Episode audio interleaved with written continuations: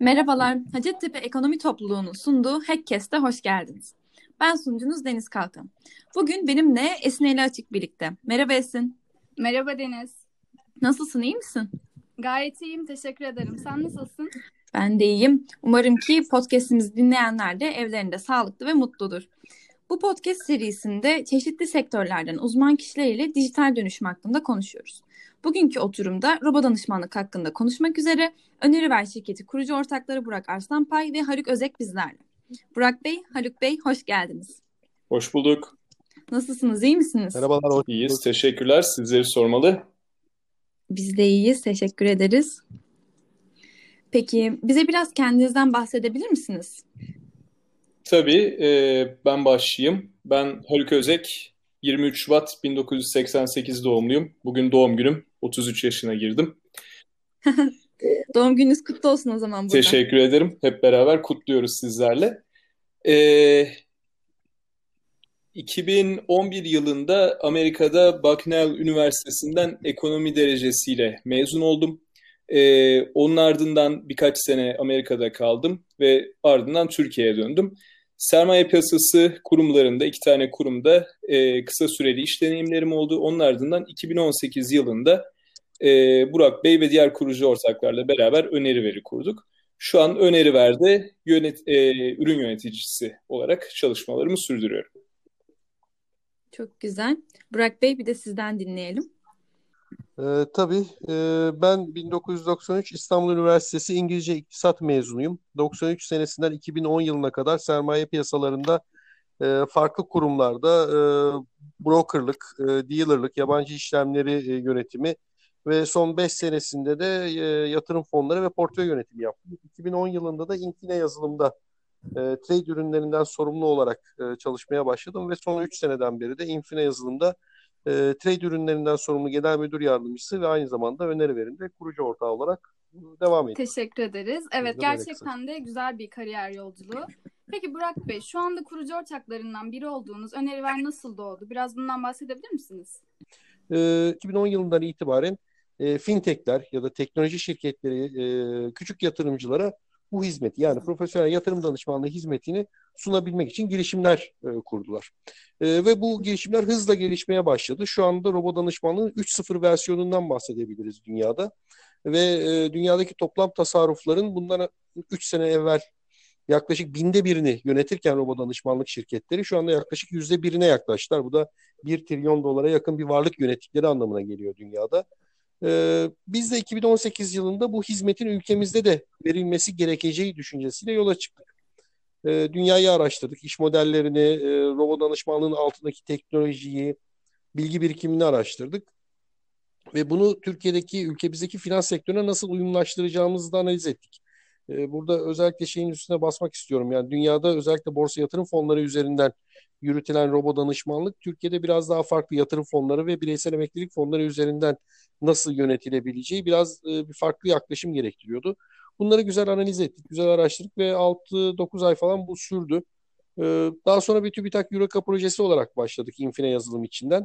E, güzel bir projeydi, güzel hızlı ilerledik. Piyasada talebin olduğunu gördükten sonra benim, Haluk'un ve Infina'daki e, Infina CTO'su e, Mert Ülkgün'ün beraber olduğu, Infine yazılımın da e, kurucularının da e, içinde olduğu öneri veri e, bir spin-off olarak Infine yazılım içinden çıkarttık. 7 kişilik çok dinamik bir ekiple e, öneri ver e, doğdu ve yola çıktı hayatına devam ediyor. Teşekkür ederiz cevabınız için. Şimdi robot danışmanlıktan biraz bahsettik. Peki özel bankacılık ile robot danışmanlık arasındaki farkı nasıl açıklarsınız Haluk Bey? Ee, aslında özel bankacılık ve robot danışmanlığın arasındaki tek fark e, özel bankacılık insana bağlı konvansiyonel süreçler e, üzerinden yürürken robot danışmanlığın bu süreçlerden bazılarını otomatize etmesi. Aralarındaki tek fark budur. E, burada robot danışmanlığı özel bankacılığı destekler bir uygulama olarak söyleyebiliyoruz. E, çünkü hem insana bağlı belli süreçleri yazılımlara yaptırıyorsunuz robot danışmanlar sayesinde hem de öneri ver gibi uygulamaların kullanıcı dostu ön yüzleri sayesinde e, müşterilerinizin yatırım süreçlerini kolaylıkla takip edebilmelerini sağlıyorsunuz. Bu sayede de müşteri odaklı, yenilikçi bir yaklaşım sergilemiş oluyorsunuz. E, bu bağlamda da öneri ver olarak özel bankacılık ürünlerimiz oldukça beğeni topluyor. Bunu söyleyebilirim. Hı hı, çok güzel. Peki az önce de bahsettiniz ama eminim şirketlere ve bireylere farklı şeyler katıyorsunuz. Ayrı ayrı konuşacak olursak şirketlere neler katıyorsunuz, bireylere neler katıyorsunuz? Şimdi şirketlerden başlayayım. Ee, öncelikle şirketlere şu anda hali hazırdaki konvansiyonel insana bağlı modellerinde yapamayacakları çok net bir şey katıyoruz. O da kişiye özel varlık yönetimi hizmetlerini kitlelere ulaştırmak. Şimdi insana bağlı süreçlerde bir çalışan ancak belli bir sayıda müşteriye hizmet verebilir. Robo danışmanlıkta ise demin söylediğim gibi belli süreçleri otomatize ediyorsunuz ve de böylece aslında hizmet verebileceğiniz müşteri sayısının bir limiti kalmamış oluyor. Ee, burada şunu tekrarlamak istiyorum. Buradan kesinlikle şöyle bir sonuç çıkmamalı. Robo danışmanlar insan danışmanların yerini alacak. Kesinlikle hayır. Biz insanlara her zaman burada önemli bir yer olduğunu düşünüyoruz. E, dolayısıyla robot danışmanlığı bir destekleyici sistem olarak düşünebiliriz. Bir örnek üstünden anlatayım. Mesela e, kişiye özel varlık yönetiminde ilk adım ve belki de en önemli diyebileceğimiz adımlardan bir tanesi karşınızdaki yatırımcıyı, bireysel yatırımcıyı tanımaktır. Burada nasıl ilerler süreç? Varlık yöneticisi kişiye belli sorular sorar ve buradan bu kişinin risk profilini, ne kadar risk alabileceğini ve de finansal hedeflerini ortaya çıkartır. Şimdi bu e, normalde sürekli hani farklı yatırımcılara aynı soruların sorulduğu bir süreçtir. Eğer burada bir robo danışmanlık uygulaması üstünden standartize edilmiş bir psikometrik risk anketi ve bir risk oyunu uygularsanız eğer hem bu süreci otomatize etmiş olursunuz hem de her müşterinin riskini e, objektif bir şekilde ölçmüş olursunuz. Bu sayede de varlık yöneticisi bu adımları yapmakla uğraşmaz ve de başka konulara daha çok vakti kalır. E, yani bu tür örnekler üzerinden ilerleyecek olursak kurumların daha yenilikçi iş modelleri yapmasını sağlıyoruz diyebiliriz. Kurumlara bunu katıyoruz. Şimdi bireyler tarafına geçelim. E, bu hem ülkemizde hem de dünyada geçerli olan bir durum. Maalesef kişiye özel varlık yönetimi hizmetlerinden ancak çok yüksek mal varlığına sahip kişiler faydalanabiliyor. Bunun sebebi de insana bağlı konvansiyonel süreçler. Demin bahsettiğim süreçler. Ancak belli bir sayıda kişiye hizmet verebiliyor kurumlar. Dolayısıyla yüksek e, birikime sahip kişilere hizmet vermek zorunda kalıyorlar. E, şimdi ülkemiz özelinde ilerleyecek olursak bir kere Türkiye'de finansal okuryazarlık oranları oldukça düşük. Bireysel tasarruf oranlarımız dünya ortalamasının çok altında. Ve de bütün bunlara ek olarak Türkiye piyasalarının oynaklığı oldukça yüksek. Şimdi bunların hepsi kolektif olarak küçük yatırımcının işini oldukça zorlaştıran etkenler. Peki ne oluyor bunun sonucunda? İnsanlar ya hiçbir şey yapmamayı tercih ediyorlar. Bunun en çarpıcı örneği de bireysel emeklilik sisteminde. Katılımcıların %90'ından fazlası portföylerini hiçbir zaman için değiştirmiyorlar ve dolayısıyla da verimsiz yatırımlar yapmış oluyorlar. E, veya insanlar kulaktan dolma bilgilerle e, yatırımlarını yönlendirmeye çalışıyor. Örneğin Türk insanı altına çok fazla yatırım yapar. Bunun güvenli bir yatırım ol, aracı olduğunu düşünür. Ancak altın volatilitesi, oynaklığı en yüksek, dolayısıyla en riskli yatırım araçlarından biridir aslında. E, yani insanlar alabileceklerinden daha çok risk almış oluyorlar. Öneri vergi bu uygulamalar kullanıldığı zamansa e, yenilikçi bir iş modeli, otomatize edilmiş süreçler sayesinde kişiye özel varlık yönetimi, bu süreçlerin yönetimi otomatize edilmiş oluyor ve de böylece pek çok insan kendilerine uygun finansal hedefleri ve de istedikleri doğrultusunda yatırım yapabiliyorlar. Kişilere kattığımız değer de bu. Yani o zaman e, şirketlere destek, bireylere ise yatırım e, konusunda neler yapabileceğini öneri gibi bir destek sağlıyorsunuz. Aynen öyle. Mu? Öneri verme ve de bunları takip etme diyebiliriz. Hı hı.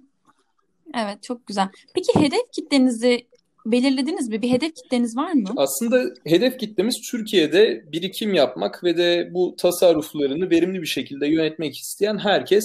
Ancak e, bizim burada odaklı hareket etmemiz gerekiyor. Çünkü farklı kurum tiplerinin e, farklı talepleri olabiliyor. E, dolayısıyla biz burada öncelik olarak BES'i seçtik kendimize iki sene önce. E, ve de burada bireysel emeklilik sistemine özel belli çalışmalar da yaptık. E, ve de çok iyi bir şekilde yol kat ettik diyebiliyoruz. Şu anda e, bir tane emeklilik şirketiyle birkaç ay içinde canlıya geçmeyi planlıyoruz. Onun dışında iki tane emeklilik şirketiyle de çalışmalarımız sürüyor. E, bu bu sırada yani bu süreçler devam ederken e, aynı zamanda özel bankacılık ve bankacılık ürünleri e, tarafında da kendimizi oldukça geliştirdik. E, özel bankacılık birimleri ve bankalarla da çalışmalarımız devam ediyor. Çok güzel. Peki Burak Bey bu sorum size. Ben robo danışmanlığı biraz araştırdığım zaman temelde yatan şeyin hırs ve kazanma duygusunu biraz kenara iter, bunu e, biraz törpüleyip daha mantığa dayanan bir sistem olduğunu gördüm. Peki sizce robot danışmanlık hizmeti tamamen yayılıp sektörü değiştirebilir mi? Ee, güzel soru. Şimdi şöyle e, anlatayım aslında yine 2008 e, döneminden gelen bir e, örnek vereceğim ben size. 2008 finansal krizinde küçük yatırımcıların robot danışmanlık gibi bir hizmete ulaşımı yoktu. Robot danışmanlık diye bir şey yoktu ortada. O finansal krize fiyatlar çok hızlı düştü. Fiyatlar hızlı düşünce tasarruf sahipleri ellerindeki varlıkları düşük fiyatlardan daha da düşecek korkusuyla ellerinden çıkarttılar. E, kayıptan kaçınma dediğimiz e, korkuyla. Daha da düşecek korkusuyla ellerinden çıkardıktan sonra piyasalar döndükten sonra 2008'den 2020'ye kadar yükselen e, süreçte de küçük yatırımcı e, bu geri dönüşten, bu yükselen e, sermaye piyasalarındaki e, artan fiyatlardan faydalanamadı. E, dolayısıyla burada e, ciddi anlamda zarar etti. Yani zararları e, kaldı ellerinde. Peki 2020'de ne oldu? 2020 pandemi krizinde ne oldu? 2020 pandemi krizinde ise 2010 yılında başlayan Roma danışmanlık e, hizmetlerinin içine girmeye başlayan özellikle küçük yatırımcı, bu hizmeti satın almaya başlayan, kullanmaya başlayan küçük yatırımcı 2020'deki hızlı düşüşte bu sefer elinden çıkartmadı varlıkları. Yani Roma danışmanlık sistemleri bu hızlı düşüşü e, bir kayıptan kaçınma değil, e, soğukkanlı bir şekilde bekleme ve önümüzdeki dönem için yeni yatırım yapma imkanı olarak değerlendirdi. Yani insan duygusu sistem içinden, e, yatırım yapma süreci içinden çıktı ve tamamen e, bir finansal modele bağlı olarak e, ve beklentilere bağlı olarak yatırımlar yönetilmeye başlandı ve 2020'deki düşüşten aslında küçük yatırımcı zararla çıkmadı. Aksine e, daha düşükten e, yatırım yapabilme imkanı ve e, oradan da karlı çıkmayı sağladı. Peki bu sermaye piyasalarını nasıl değiştirecek? Aslında biraz da buradan bakmak lazım. Şimdi insan duygusunu sermaye piyasalarından çıkartma imkanınız hiçbir zaman olmayacak. Yani aslında duygulardır fiyatları hareket ettiren. Duygular, beklentiler, e, bunun yanı sıra biraz da haberlerdir. E, insan duygusu hiçbir zaman aslında piyasanın e, şeyinden çıkmayacak, içinden çıkmayacak. Burada robot danışmanlıklara baktığımız zaman her biri farklı model kullanıyor. Her biri farklı tahmin yöntemleri kullanıyor. Her birinin farklı stratejisi var ve daha da önemlisi ve en önemlisi her kişinin farklı risk profili, farklı risk toleransı, farklı getiri beklentisi var, farklı hedefleri var. Dolayısıyla bu kadar çok insan olduğu zaman bu sistemin içinde yani farklı risk profilleri, farklı beklentiler olduğu zaman robot danışmanlık sistemleri de kendi finansal modelleriyle kişiselleştirilmiş varlık e, yönetimi hizmeti verdiği için e, aslında daha da demokratikleştiriyor yatırım ortamını. Volatiliteler belki biraz azalacak. İşte 2008'deki volatilite gibi volatilite görmedik aslında baktığınızda 2020'de. E, belki önümüzdeki dönemde de görmeyeceğiz. Volatiliteler yani hareketlilik, oynaklıklar azalırken küçük yatırımcının ben biraz daha lehine, e, ani hareketlerde zarar etmeyen, belki onu lehine kullanan ve daha e, demokratikleşmiş, daha e, e, hareketleri yumuşamış bir piyasa göreceğimizi bekliyorum. riskleri var mı diye soracak olursanız evet e, herkesin aynı hareketi yapma gibi riskleri var ama onu da karşısında e, büyük elle yani büyük oyuncular olacaktır, büyük kurumlar olacaktır. O büyük kurumların hareketleri de bu herkesin aynı yönde hareket yapmasını dengeleyeceği için bence robot danışmanlık önümüzdeki dönemde piyasaları daha e, biraz daha tahmin edilebilir, biraz daha e, rahat yatırım yapılabilir hale getireceğini düşünüyorum. Özellikle küçük yatırımcı için. Teşekkür ederiz cevabınız için. Ee, tekrardan öneri verin danışmanlık sistemine dönecek olursak insanların yatırım yapmasını kolaylaştıracak bir sistem kurmuşsunuz. Peki Türkiye'de robot danışmanlık için yasal düzenlemeler var mı? Ee, şöyle e, söyleyeyim aslında dünyada yasal düzenlemeler var mı diye baktığımız zaman dünyadaki robot danışmanlık şirketleri yani bir fintech'in robot danışman olarak hizmet vermesi süreci bu şirketlerin aslında e, sermaye piyasası kurumu haline, e, şirket haline dönüşmesiyle oluyor. Yani eğer bir fintech robot danışmanlık hizmeti verecekse ya kendisi bir robot danışman şirketi, e, finans şirketi haline dönüşüyor ya kendi geliştirdiği altyapıyı finans şirketleriyle beraber ortak işbirliği içinde kullandırarak e, yatırımcılara sunuyor. Dolayısıyla robo danışmanlık şirketleri bu finansal dijital varlık yönetimi hizmetini e, mevcut yasal düzenleme içine sokarak devam ediyor. Türkiye'de de e, aslında şöyle olabilir. İki tane yöntem var. Bir tanesi işte bizim gibi fintechler sermaye piyasası şirketi haline dönüşebilir.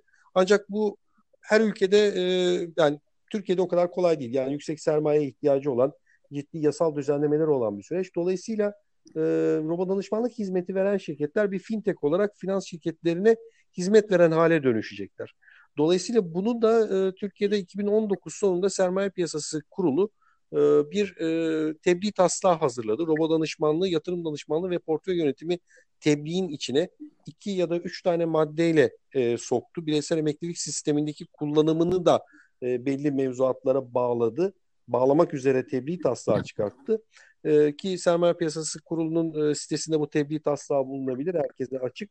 E, ancak işte görüş almak üzere bu şeyi açtıktan sonra tebliğ e, maalesef pandemi girdi araya. E, görüşler daha tam verilemedi.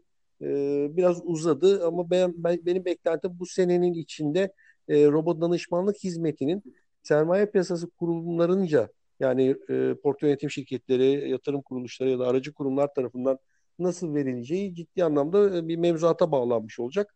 O zaman da e, daha net bir şekilde hem e, bu hizmeti alanlar hem bu hizmeti verenler e, bir yasal Umuyoruz mevzuat çerçevesinde gerçekten yakın hizmeti zamanda e, olur. piyasamızda göreceğiz. Peki bir sorum daha olacak. Ee, pandemi dönemiyle insanlar artık işlerini online üzerinden Hı hı. hallediyorlar. Bu da akıllara güvenlik sorusunu getiriyor. Peki Burak Bey, müşterilerden sahip olduğunuz bilgiler güvende mi? Güzel. Ee, şimdi e, Türkiye'de güzel bir e, KVKK kanunu var. KVKK kanunu biz Infine yazılım olarak zaten 25 yıllık bir fintech olarak hem bu kanuna tam uyum sağlamış durumdayız.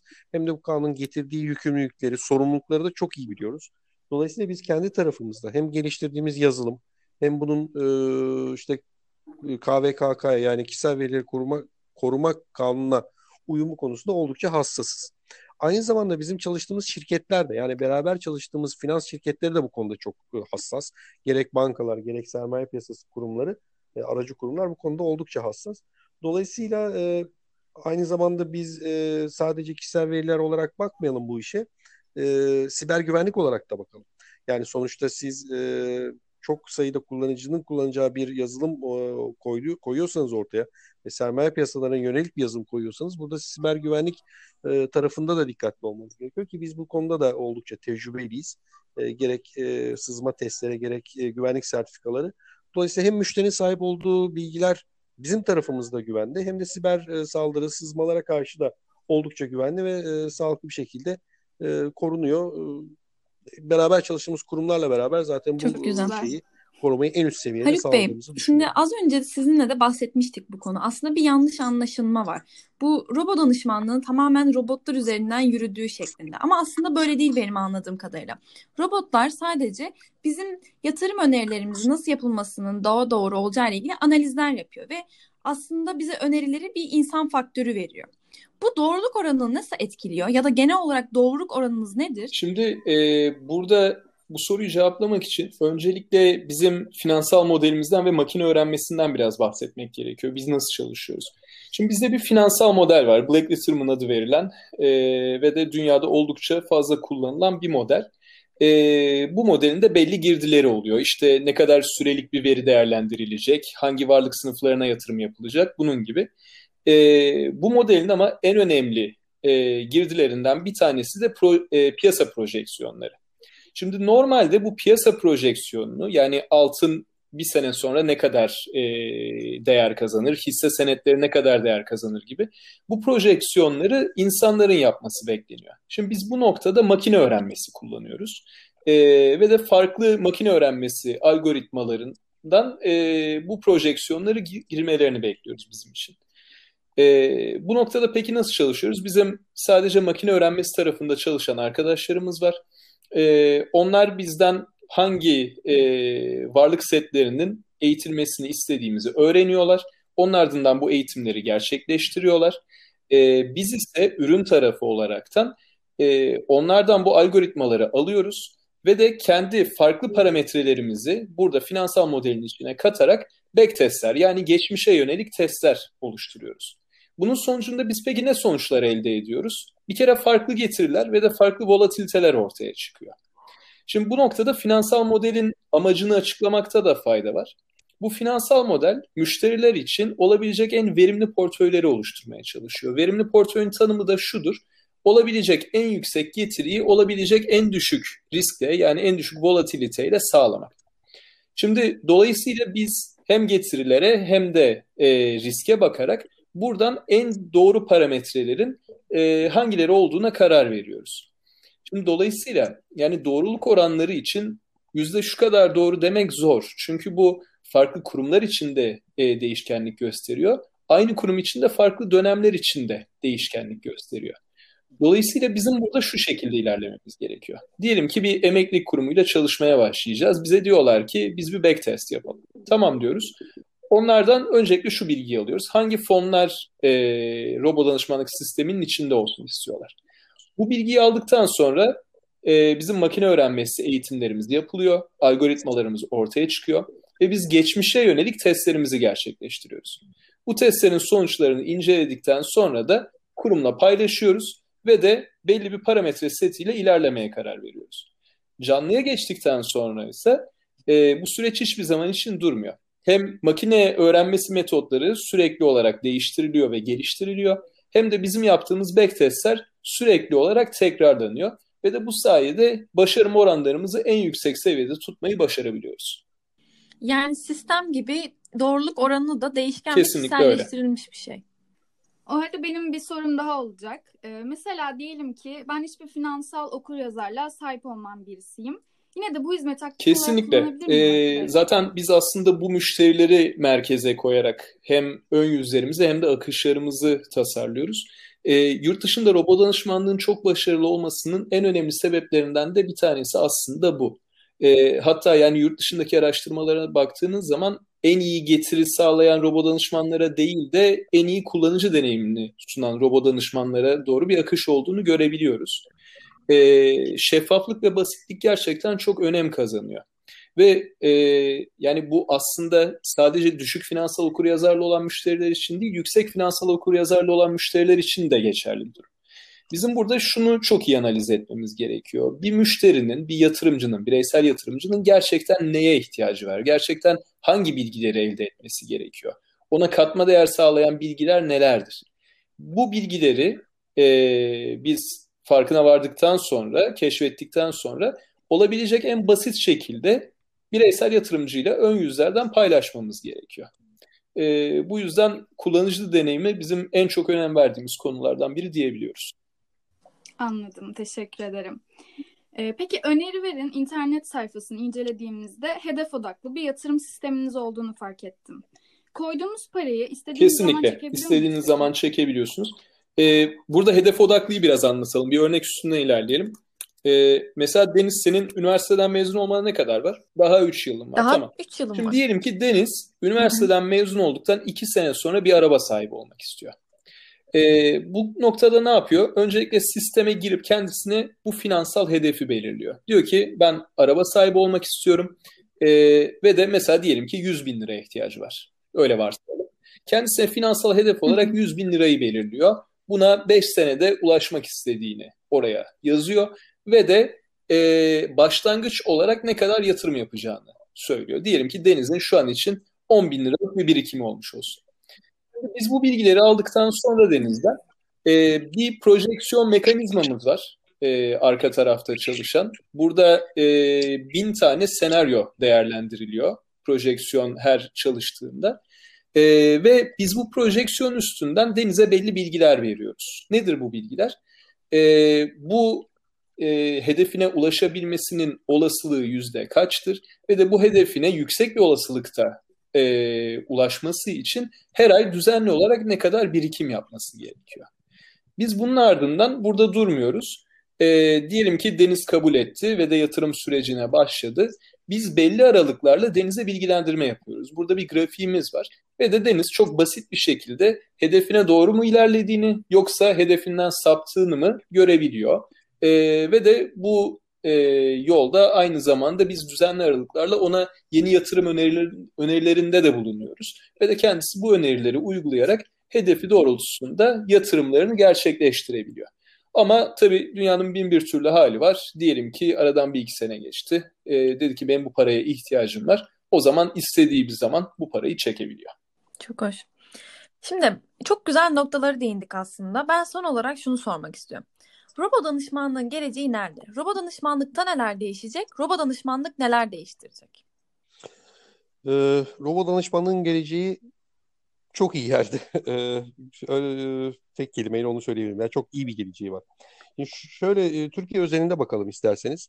Haluk'un da biraz evvel bahsettiği gibi Türkiye'de tasarruf oranları çok düşük. Ee, bunun yanı sıra profesyoneller tarafından yönetilen tasarruf miktarı da çok düşük. Yani Türkiye'deki toplam tasarrufun e, sadece yüzde yedisi yatırım fonları ve bireysel emeklilik fonlarında yönetiliyor. Ee, yüzde 93'ünün yarısı mevduat e, gibi e, durağan bir e, üründe. Diğer yarısı da e, döviz tevdiat hesaplarında yani %93'ü durağan bir noktada. E, dolayısıyla Türkiye'de e, e OECD ortalamalarına baktığınız zaman da tasarrufların yüzde ortalaması yüzde 20-25'lerde profesyoneller tarafından yönetilen. Dolayısıyla Türkiye'de e, küçük ve orta ölçekli yatırımcının yönetilmesi, yönetilmeyi bekleyen oldukça büyük bir varlığı var. Bu varlığın yönetilmesinin ne avantajları var? Onu da şöyle bakmak lazım.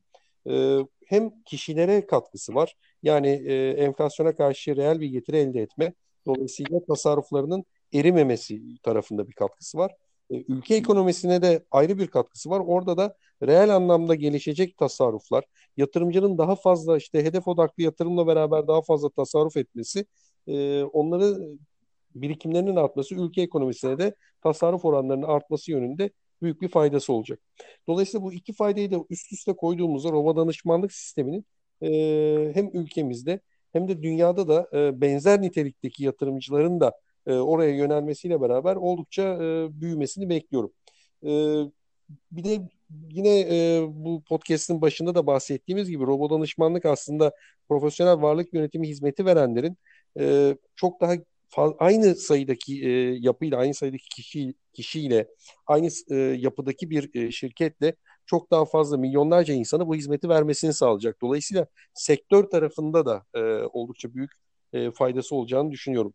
Dolayısıyla önümüzdeki dönemde özellikle sizin e, kuşağınızın diyeyim, sizin jenerasyonunuzun diyeyim, e, artık sermaye piyasalarında neler olduğuna bakmak ya da işte piyasaların nasıl hareket ettiğine bakıp da tasarruflarımı nasıl değerlendireceğim gibi bir bir kaygısı olmayacak. Robo danışmanlık sistemlerine e, varlıklarınızı emanet edeceksiniz, birikimlerinizi emanet edeceksiniz.